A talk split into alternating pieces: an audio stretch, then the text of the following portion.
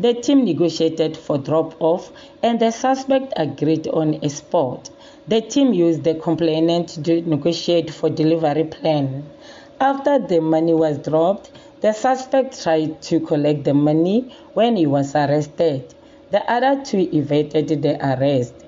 The arrested suspect led the team to the house in Hammanskraal, whereby one suspect was found with the victim and arrested.